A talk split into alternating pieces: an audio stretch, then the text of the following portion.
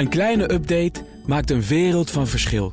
Daarom biedt IKEA voor Business Netwerk gratis snelle interieurtips en ideeën. Word gratis lid en laat je werkplek voor je werken. IKEA, een wereld aan ideeën ondernemingsbestuur. Tot uit onderzoek van het FD bleek dat hij betrokken was bij beleggingsfondsen waar ook fraudeverdachten aan meewerkten, belangrijke posities bekleden. Het kostte de voormalige hoogleraar zijn reputatie en een groot deel van zijn opdrachtgevers. En hij is eh, nu hier te gast in een speciale aflevering van het Boardroom Panel. Welkom. Dankjewel. Ja, we gaan uh, tutoyeren. Ja. En uh, laat ik beginnen met een open vraag. Hoe gaat het met je? Nou, ik heb een enorme dreun gekregen. Kijk, uh, de impact van het nieuws was enorm. Niet alleen op mij, maar ook op mijn gezin. Ik heb drie kinderen en een, uh, en de moeder van die kinderen... die hebben het ook allemaal meegekregen. Ja, en als niet alles waar is wat er wordt opgeschreven... als daar conclusies aan worden verbonden die ik niet had verwacht... misschien dat we kunnen verwachten... dan komt dat enorm hard aan. Dus ik heb eerst maar eens uh, twee maanden in afzondering gezeten. Alle telefoontjes uh, om wat te gaan vertellen afgewezen. Niks gepubliceerd, niks geschreven.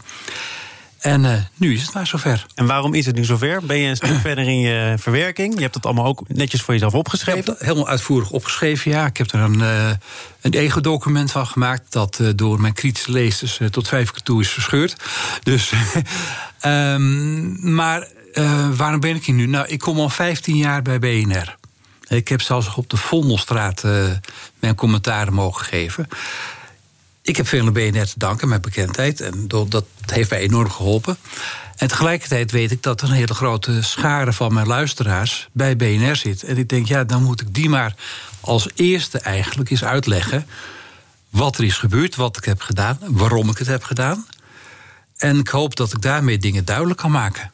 Laten we dan uh, beginnen in 2018. Toen werd je benaderd door Michel G. met het verzoek om een beleggingsfonds op te richten, daar een rol in te gaan spelen. Topfund. Ja. Waarom besloot jij om in te gaan op dat verzoek? Nou, ik werd niet door Michel G. benaderd, ik werd door Bob van der Mas benaderd. Ik kende, ik kende Bob vanuit een ander circuit, andere opdrachten ook. We hadden samen al dingen gedaan. Nou, Bob heeft me uiteengezet wat de casus was. Hè. Michel die was vrijgelaten. Had ook een brief gekregen van de rechtbank dat hij gewoon weer vrij mocht rondlopen en mocht werken. En ook in de financiële sector mocht hij werken. Hij is veroordeeld, heeft in de gevangenis gezeten? Hij heeft straf uitgezeten, heeft twee jaar in voorlopige hechtenis gezeten. Justitie krijgt het bewijs niet rond, dus we moeten hem laten gaan. Uh, over dat dat bewijs niet rond is, komen we zo meteen nog even over het op terug. En uh, nou, de gedachte van Bob was: laat Michel doen waar hij goed in is, beleggen. En dan zetten we in Nederland een directie van het beleggersfonds. En dan zijn Bob en ik de commissarissen. We houden dan toezicht om te kijken of alles netjes verloopt.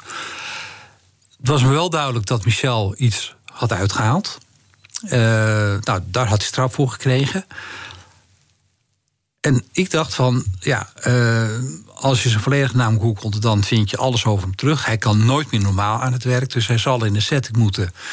waarin hij uh, niet onmiddellijk blootgesteld wordt aan de buitenwereld. Dus ik heb gedacht van, nou, mag hij tweede kans hebben? Mag hij weer terug? dus er wordt hem niets in de weg gelegd om dat te mogen doen. Of in ieder geval in het beginsel niets. Hij is enorm hard getroffen. Nou, dan moeten we dat doen als het maar op een verantwoorde manier is. Dat heb ik onmiddellijk gezegd. Is, is dat zo? Want uh, dit is natuurlijk ook een justitiële kwestie. Hm? Jij zegt nu, uh, de rechter heeft hem geen strobreed in de weg gelegd. Maar hebben jullie zelf gecheckt wat er uh, van justitie wel of niet mag? Want het FD schreef daarover dat er bij justitie in ieder geval niets bekend is... over dat jullie toestemming hebben gevraagd of hebben nagegaan... wat er nu precies er was een niet mag met Er was een beschikking van de rechtbank. En er waren hem beperkingen opgelegd. Nou, een hele rits, maar onder andere uh, geen bankrekening mogen openen, niet in de financiële sector mogen werken. Uh, nou, er stond in die beschikking dat de hem opgelegde beperkingen waren opgeheven. Nou, en daaraan verbond zijn advocaat de conclusie: hij mag weer. Um, dus mijn, mijn, onze gedachte was. Ja, uh, als ik een uh, vonnis krijg van de rechtbank waarin staat dat beperkingen zijn opgeheven, dan uh, staat het hem vrij om weer te mogen werken. En dat heb ik later ook, heb ik ook gecheckt bij verschillende juristen. Van, kunnen we hier wat mee met de documenten? Kunnen we hierop vertrouwen dat het goed is? Antwoord was ja. Het is wel gezegd, ja, let even op. Uh, die ene rechtszaak waarvoor hij twee jaar in voorrest heeft gezeten... die loopt nog. Er wordt gewerkt aan een schikking. Zonder schuldbekentenis. Nou, dat is een heel verhaal. Nou, dat loopt al twee jaar, dat loopt nog steeds. Ik geloof dat de hele procedure al vier jaar loopt. Ja, maar de vraag is natuurlijk wel waarom iets wat mag ook per se moet. En waarom nou, jij in het spel komt. Want waarom een beleggingsfonds uh, beginnen met iemand die van fraude verdacht is. Uh, is dat iets waar je zelf bijvoorbeeld uh, veel vertrouwen uit zou putten, mocht je dat weten? Nou, daar stel je een heel, hele goede vraag. En ehm, in mijn bespiegelingen die ik nadien heb gehad, hè, dat is een van de aspecten die naar voren is gekomen. Schrijf het allemaal eens op. Hè, en schrijf wij spreken op een groot whiteboard. En dan vraag je dan iemand uh, van buiten je organisatie om naar te kijken en wat van gaan vinden. Nou, dan was het antwoord waarschijnlijk geweest: hm, mag allemaal wel, maar of je het moet doen, weet het niet. En waarom vond je dat je het moest doen? Want daar komt ook volgens mij het verhaal van een tweede kans naar ja, boven. dat was wat mij dat op dat moment met de kennis die ik toen had, de informatie die ik toen had, een afweging. Ik weet hoe hard de wereld over mensen kan oordelen. Um, dus eh, gelet op de voorwaarden die we hebben gesteld, hè, van, eh, dat hij nergens bij kon komen, dat de organisatie solide was, vond ik dat het moest kunnen op dat moment met de kennis die ik toen had. Ja, en wat moest er kunnen? Want uh, waar het in deze zaak ook over gaat, is in hoeverre heeft uh, Michel de wereld met een open vizier tegemoet getreden? En hebben jullie dat gedaan? Onder andere door schuilnamen te gebruiken, een alias. Ja. Waar, als ik het document dat jij hebt opgesteld uh, goed gelezen heb, jij zelf ook van vindt dat het steeds ongemakkelijker werd. Ja. Nou, eerst even terug, laten we het uit elkaar houden. Het, je begint ermee. Uh, goede vriend, wij sturen een mail. Jaap, welke afslag heb jij gemist? Nou, dat is een vrij eh, directe vraag. De afslag die wij toch gezamenlijk hebben gemist toen we het opzetten, maar die ik dus ook heb gemist, of die ik niet voldoende heb meegewogen, is wat de reactie zou zijn van de wereld. Uh, op het feit dat ik het deed. Mijn profiel, ik heb natuurlijk in het verleden duidelijk uitgelaten over dingen. Ik heb mening gehad over topmannen, beleggingsfondsen, financiële producten, praktijken. Dat heb ik duidelijk geventileerd. Dan moet je natuurlijk ook weten dat je erop afgerekend wordt. Dat heb ik onderschat. Dat, heb ik gewoon, dat is de beoordelingsfout. Dat heb ik gewoon niet goed ingeschat. En wat mij met kennis achteraf wel erg heeft verrast is dat het oordeel ook zo ongenadig hard was over mij met name. De andere mensen die betrokken waren. Nou, die komen er gewoon eigenlijk ja, maar dat heeft toch alles te maken met jouw publieke functie en jouw publieke uitspraken en jouw vakgebied. Dat gaat over goed ondernemen. Nou, ik, mijn, mijn vaklistel heet corporate finance. Hè, en af en toe komt dat ook, hè, ook omdat ik natuurlijk daarmee mee bezig gehouden. Eh, eh, schuurt dat ook aan tegen corporate governance en fatsoenlijk gedrag. Daar heb ik me ook altijd sterk voor gemaakt. Alle raden voor commissarissen heb ik altijd gezegd van je moet de beleggers goed vertellen wat voor producten ze kopen, wat de risico's zijn, hè, wat ermee gebeurt. Dat hadden wij topfonds allemaal keurig geregeld. Alleen, ja, als je erop terugkijkt, dan denk je van. Hoe heb je ja, maar je, je, kunt van alles keurig regelen, maar als het nou ergens over gaat, dan is het toch wel dat die schuilnaam een belangrijke rol speelt. Het alias. Ja. ja, en je steekt je vinger op. Ik wil graag weten hoe jij er dan nu naar kijkt. Want dat, dat is gewoon gebeurd onder jouw ogen. Uh, ook heb je dat zelf intern aangekaart. Kan dit nu eigenlijk wel? Er is door advocaten naar gekeken die ook hebben gezegd... nou, moet dat nou wel op deze nou, manier? Nou, niet zo expliciet. Hè. De meeste mensen zeiden, nee, die constructie deugt. En nog steeds zeggen heel veel mensen... wat is hier nou eigenlijk fout gegaan? Nou, het is fout gegaan op het punt transparantie. Dat had gewoon beter gemoeten. Maar transparantie is toch onder andere dat je weet met wie je zaken doet... Ja, dat er geen schade aan Nou wordt het enorm opgehangen aan het werk met alias. Uh, ik wil me niet zelf vrijpleiten, maar als commissaris heb je daar een beperkte bevoegdheid toe. Hè, want uh, uiteindelijk is het de directie die dat bepaalt. Ik had toen, als ik de zaak goed had doorgeakkerd en alle afwegingen had gemaakt, Waarbij je op moet letten van ja, ik weet nu dat ik nu weet. Dus ja, dan is de conclusie helemaal duidelijk. Maar ik had toen al gelet op mijn eigen bekendheid. En ik zou je verklappen, dat went op een gegeven moment dat je bekend bent. Hè. Dat is niet iets wat je elke dag realiseert dat je zo'n publiek profiel hebt. Uh, had ik dat niet zo moeten besluiten. Ondanks het feit, dat blijf ik benadrukken dat de beleggers, dat, uh, dat geld van de beleggers nooit in gevaar is geweest. Dat we de beleggers keurig hebben verteld wat voor producten ze kochten. het is toch ook een morele kwestie dat er ja, dat maar dat, dat wel of geen rol speelt? Je moet onderscheiden in deze. En dat is denk ik de valkuil waarin uh, ik zelf ook wel ben gelopen. Valkuil is wat overdreven. Ik ga. Waar ik dingen misschien niet goed heb beoordeeld. zegt dat iets mag, betekent inderdaad, heb je gelijk in, niet dat je het ook moet doen. En wat ik dus heb gemerkt, alle reacties die ik gekregen heb, is dat het oordeel wat mensen over mij velden, heel sterk ook moreel was. Van ja, dat had jij niet mogen doen. Want je hebt je ingelaten met iets wat misschien wel mag. Hoewel mensen ook direct roepen: het is een crimineel, dus je moet het niet doen. Uh, totdat, tot wat, je, wat gewoon niet goed uitlegbaar is. En die alias maar je bent, ook, je bent overigens ook commissaris. Hè? Dat heeft niet alleen te maken met wat je moreel niet vindt kunnen. Dat heeft ook te maken met het feit dat je een toezichthouder bent... die wel precies zou moeten weten uh, hoe het ruilt en zelt in je bedrijf. En volgens mij heb je daarbij Topfund anders ingehandeld... dan bij jullie latere fonds, Eurofonds. Nou, bij Topfonds was ik wel heel goed op de hoogte. En ik besteedde er veel meer aandacht aan dan andere beleggingsfonds. Ik heb het hele proces van oprichting, documentatie uh, opstellen... op de voet gevolgd. Maar uiteindelijk heb je in formele zin natuurlijk een beperkte bevoegdheid. En uh, toen ik zag dat realis werd gebruikt, wat je overigens heel moeilijk kunt ophangen aan een wetsartikel dat het niet mag. Maar ik vond het toen ook, had ik toen al de reactie, om twee redenen de reactie dat het niet klopte. A, als iemand uh, direct contact heeft met klanten, wat niet wordt geregistreerd, want alle andere contacten met de klanten via de mail of via de chatbox, dat werd allemaal geregistreerd. Dus daar kon je elke, iedereen wat iedereen mailde en zei, dus ook de andere mensen op kantoor, dat lag allemaal vast. Telefoongesprekken worden niet vastgelegd. En weet ik veel wat iemand in die telefoongesprekken met iemand bespreekt. Dat, dat is voor mij een punt. En het andere punt is natuurlijk. Uh, ja, het. Uh, dat is intuïtief. Ik voelde toen al aan dat het niet klopt. En ik had zoiets van, wat moet ik nu doen? Moet maar dat, dat, intuïtief voel jij aan, het klopt eigenlijk niet. En je zegt nu zelf ook, mijn bevoegdheden waren ook op dat moment beperkt. Hè? Ja. Mijn rol die ik vervulde. Dat is toch juist het moment dat je moet afvragen, wat doe ik hier eigenlijk? Nou, dat heb ik ook gevraagd, maar afgevraagd natuurlijk. En ik heb toen gedacht van, nou, we zaten al op het pad van dat uh, we een tweede iemand in Nederland zouden aannemen... waardoor uh, Michel nog verder achter ons te kunnen. Die zou dan de plantcontacten doen. Dus ik had zoiets, nou, we zijn op het goede pad. En nou, dat heb ik ook. Je wilde hem eruit werken eigenlijk nee, op een gevoelige manier? Nee, nee, we wilden hem uh, laten doen wat hij kon. En dat was uh,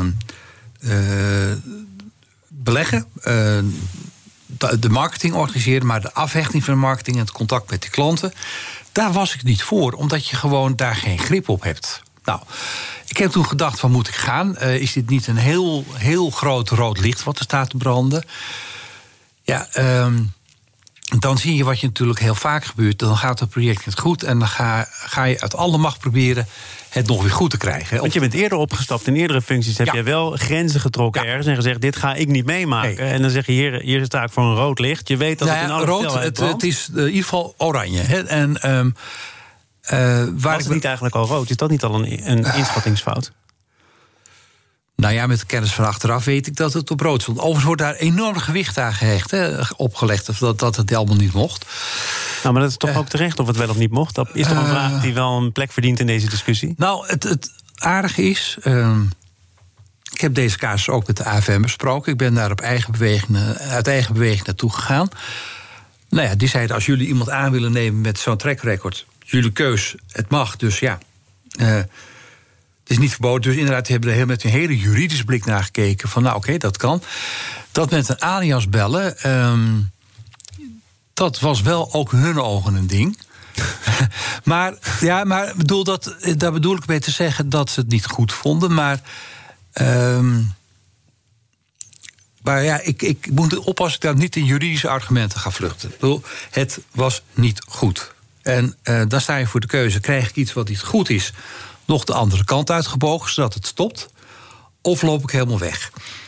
In situaties waar ik ben opgestapt, dat was bijvoorbeeld bij een beleggersfonds waar de accountant geen goedkeurende verklaring af wilde geven. Nou, dat is een heel duidelijk signaal. Dan ben je ook als je blijft zitten, dan ook uh, in civiele zin aansprakelijk. Hè, want dan heb je kennis gehad van het feit dat niet deugde of dat niet in orde was.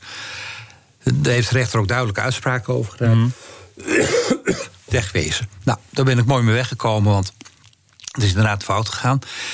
Ik had hier nog oprecht hoop en ik was ook heel loyaal. Hè. Maar moet je, moet je niet meer hebben dan hoop als je, zoals jij zelf ook zegt, je meerdere keren hebt uitgesproken op het gebied van integriteit. En je zegt het, hè, mijn vakgebied is eigenlijk net iets anders, maar dit zijn toch elementen die vrij vaak voorbij kwamen. Het kleeft aan mij en mijn reputatie. Ja, maar, ja, maar jouw reputatie moet niet zomaar de reputatie zijn van de gemiddelde burger. Nee, nee dat snap ik. Hoge bomen, keuriger dan keurig. hoge bomen vallen, veel, vangen veel wind. En Wel Kaptein schrijft er ook over, de hoogleraar integriteit bij een accountskantoor. Je moet er rekening mee houden dat de maat waar langs het wordt gelegd hoger is dan die van andere mensen. Want dat blijkt ook uit het feit dat de andere betrokkenen er totaal geen last van hebben. Die impact, en dat kun je naïef of dom of kortzichtig noemen, die heb ik onderschat. Gewoon niet goed ingeschat en niet duidelijk de consequenties getrokken van. Dan moet het maar pijn doen. Uh, dan ben ik maar disloyaal. Dan zeg ik op dat moment: mensen, dit kan ik niet meer voor mezelf en voor mijn buitenwacht uit, uitgelegd krijgen. Ik ga. Is jouw reputatie niet juist eh, de afgelopen jaren gebruikt? Onder andere door Michel van G, die wist: hé, hey, als ik nu Jaap Koelewijn aan dit project weet te binden, dan heb ik een boegbeeld, een stroomman. Noem maar stroomman vind ik te ver gaan, want dat was ik niet. We deden echt serieus werk. Dat boegbeeld, um, ik realiseer mij dat voor bijna alles waar ik word voor gevraagd. Vinden mensen interessant dat ik Jaap Koelewijn ben? Met, zoals iemand tegen me zei: jij bent een merk van jezelf. Of het nou een beleggingsadviescommissie is, of een commissariaat, of bij BNR verstandige dingen zeggen. En ik ben er mij altijd van bewust geweest dat mensen mij proberen nou, te gebruiken. Of dat, dat ik interessant voor ze ben. Zo, zo ligt het heel vaak. Nou, daar heb ik heel vaak de afweging bij gemaakt. Ik doe het niet omdat het geen goed product is, of omdat ik de mensen niet vertrouw, of omdat ik niet vind dat het bij me past. Of is het iets wat je misschien, uh, dat weet ik niet, maar iets wat je misschien niet zo goed kunt, of wat je hebt onderschat? Hè? Toezicht houden, besturen is misschien iets anders dan uh, hoogleraar zijn. Terwijl, ik ben al twaalf jaar commissaris en ik heb in die twaalf jaar verschillende keren hard moeten ingrijpen, of minder hard moeten ingrijpen, of strepen moeten trekken of het nou was om een jaarrekening eh, wat creatiever te maken. Of de, om iemand in een bepaalde positie te houden. Oh, jaarrekeningen uh, creatiever maken, dan begin ik ook met gespitste oren te luisteren. Ja. Dat heb je ook gedaan. Nee, dat heb ik niet oh. gedaan. Nee, nee, nee, nee, nee. Ho, ho, ho, ho, nee. Nee, daar ben ik juist gewoon voor gaan liggen. Van, uh, als je vastgoed waardeert en de uh, waarderen geeft een lagere waardering dan je had gehoopt... dan ga je niet de waardeerder ontslaan. Dan moet je dat onder ogen zien, hoe pijnlijk dat ook is. Uh, en als scheep, scheep moet waarderen, overal moet je gewoon het spelletje netjes spelen. Ja. Um, dat geldt dan toch ook voor je eigen bedrijven? Ja. Um, als ik nu terugkijk en nu ook mezelf nog eens een keertje wegen, denk ik van nou, toezicht houden. Um,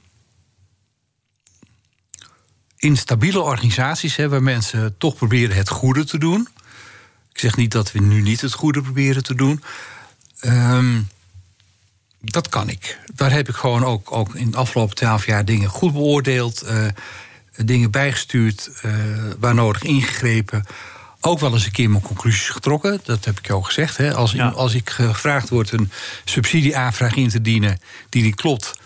Um, en het bestuur neemt daar, uh, wil dat op mij afschuiven. En dan doe ik dat niet. En dan kon jij de conclusie, de, de uiterste consequentie nu niet hieraan verbinden omdat het een hele lucratieve business was? Nou, het was niet heel erg lucratief. Het was, het was aantrekkelijk, maar ik had het ook financieel niet nodig. Tegendeel, in het stuk wat je hebt gelezen schrijf ik ook dat mijn zaken toen ik deze klus aannam goed liepen.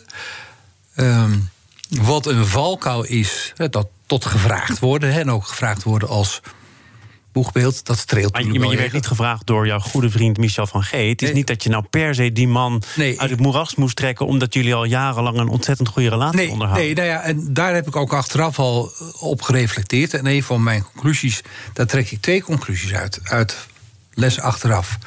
Niet voort, maar les achteraf. A. Had ik al de informatie boven tafel? Als je afgelopen week het laatste stuk over G in het Financieel Dagblad hebt gelezen, dan zie je dat er toch weer nieuwe informatie boven komt. Nou, toen was ik al weg, maar daar was ik wel blij mee dat ik al weg was. Want uh, ik weet niet wanneer dit gaat stoppen. Er loopt nog een procedure, je weet niet wat er nog meer naar voren komt. Tweede plaats. Je wist overigens wel dat die procedure nog liep. Dat wist ik, maar dat daar nog weer een. Uh, heb ik daar gevraagd, hoe is de stand van zaken? Ja, het is bij justitie, bij de rechter, er wordt onderhandeld. Wat ik niet wist, was dat uh, G nog steeds geld onder zich heeft wat van klanten is. Nou, dat, dat had hij mij moeten vertellen. En dat moet ik dan via een stuk van Vasco van de Boon lezen. Heb ik daar gevraagd, is me niet gewoon duidelijk verteld. Nou, dat vind ik ernstig. Daarom ben ik ook blij ben opgestapt. En de tweede plaats, en daar loop ik tegen een grens van mezelf aan, um, dat heb ik geconstateerd. Um, er zaten aan de hele operatie toch te veel risico's. En ik ben niet de persoon die met harde hand dat de voortdurend gaat lopen mens. Dan moet je echt een bestuurder en manager zijn. En dat ben ik niet. Ik ben meer van de inhoud. Mijn expertise ligt toch meer in adviseren, uh, praten over uh, beleggingsbeleid. Moet een commissaris toch ook niet een goed oog hebben voor de risico's? Of in ieder geval ook voor zichzelf kunnen uitleggen: loop ik hier een risico? Dat Want in het, in het voortdurend af. dat jij hebt geschreven, waarin je reflecteert, zeg je ook: stel, dit komt op de voorpagina van de krant. Ja kom ik dan in de problemen? Het antwoord is nu toch al vijf, zes, zeven keer ja, ik kom dan in de problemen. Nou, dat, wij hebben gedacht met elkaar, en dat is dus de beoordelingsfout.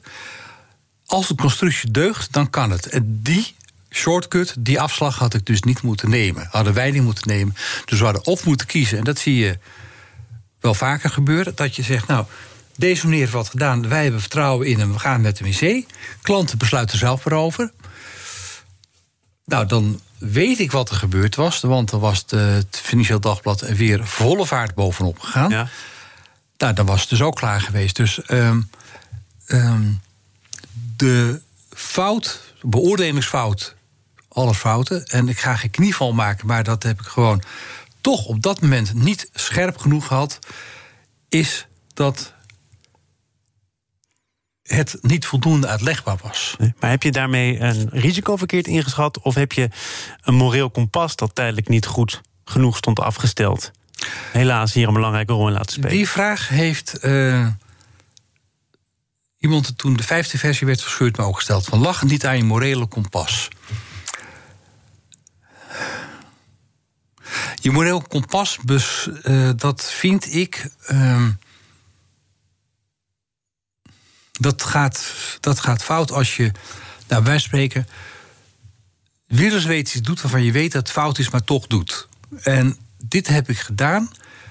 Ik heb daar een risicobeoordeling bij gemaakt. Die had ik beter kunnen doen. Maar ik vind niet van mezelf. Um, dus ik vind dat niet van mezelf. En er moeten anderen over oordelen of dat ook, ook zo is. Dat ik wel bewust iets heel verkeerds heb gedaan. En uh, dat je door allerlei factoren, het gaat goed, dus dit kan erbij. Ik ken mensen, ik vertrouw ze. Je werd overmoedig. Het hing er tegenaan. He, gewoon van ja, toch een aantal keren dingen goed gedaan. Uh, uh, nou ja, de zaken lopen. Denk ik, nou, dit kan. Ja, en dan uh, komt de val na de hoogmoed. Dacht, nou ja, hoogmoed. Ik vind hoogmoed is als je een van de megalomaan project gaat doen of iets gaat doen wat echt niet kan. Dit was een twijfelgeval ja, maar dan kun je remmen of gas geven als je toch voor een oranje stoplicht staat. Ja, nou ja, je, je, vraagt nu heel erg door op, dat stoplicht. Met wat ik toen wist en toen deed en waar ik toen door beïnvloed werd, heb ik onvoldoende oog gehad voor de uiteindelijke uitkomst. Dat had ik beter moeten doen. Maar dat je dan zegt: heb je een fout moreel kompas? Um, je, hoort, je merkt dat ik er lang over nadenk. Ik doe even een. Uh... Nou, ik vind dat een lastige kwestie. Um... Mag ik nog één vraag tot slot stellen? Want uh, dit is allemaal het verleden. De toekomst is ook nog aan jou als je gerehabiliteerd wordt, waarin genade wordt aangenomen.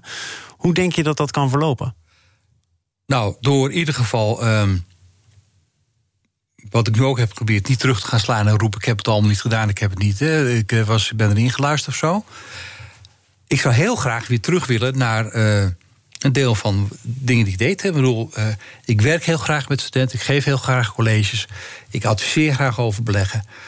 Je zou hoogst kunnen zeggen, nou ja, ik heb een les geleerd en die les wil ik ook met anderen delen. Want wat mij is overkomen, kan iemand anders ook zomaar overkomen. het is, in dat opzicht is het niet uniek wat ik heb gedaan. En uh, wat ik in de toekomst wel verder zou doen. Uh, we hadden het van tevoren al even over gesprek met Juist Reuselaars, de predikant hier in Amsterdam. Daar heb ik een aantal keren mee gesproken. En eigenlijk moet je ervoor zorgen dat je in je omgeving vaker iemand aanspreekt die uh, dat zegt wat hij ervan vindt en je heel scherp, uh, heel hardhandig op de grill legt. Mijn ex-vrouw deed het ook wel eens met uh, dingen die. Is het daarom ook je ex-vrouw? Nee hoor, helemaal. Oh. Dus hele andere redenen. Uh, we spreken elkaar over nog regelmatig, vooral ook in verband met de kinderen. Die is ook wel eens als er iemand kwam met een voorstel, of die was bij mij aan de deur geweest, uh, zei ze ook wel eens: joh, moet je even niet gaan doen. Nee. Ja, er is heel veel meer over te zeggen. Ehm, dat kan overigens ook nog hier op de redactie, maar niet meer op de radio, want we zijn er doorheen. Dankjewel. Um, heel fijn dat je hier was. Dank voor de gelegenheid. Uh, ja, en uh, wij, wij zullen elkaar uh, blijven spreken. Ik hoop het wel, ja. ja. Jaap Koelewijn was hier uh, in BNR Zaken doen uh, voor vandaag. Morgen dan gaat het over een andere kwestie, namelijk over de gemeente Amsterdam. Uh, dat gaat uit, die gemeente, van een begrotingstekort van bijna 200 miljoen. Komt allemaal op het bordje terecht van de wethouder Financiën, Victor Everhard. Morgen in BNR Zaken doen. Zometeen Nieuwsroom. Veel plezier daarmee. Tot morgen. Als ondernemer hoef je niet te besparen op je werkplek. Want IKEA voor Business Netwerk biedt korting op verschillende IKEA-producten. Word gratis lid en laat je werkplek voor je werken. IKEA, een wereld aan ideeën.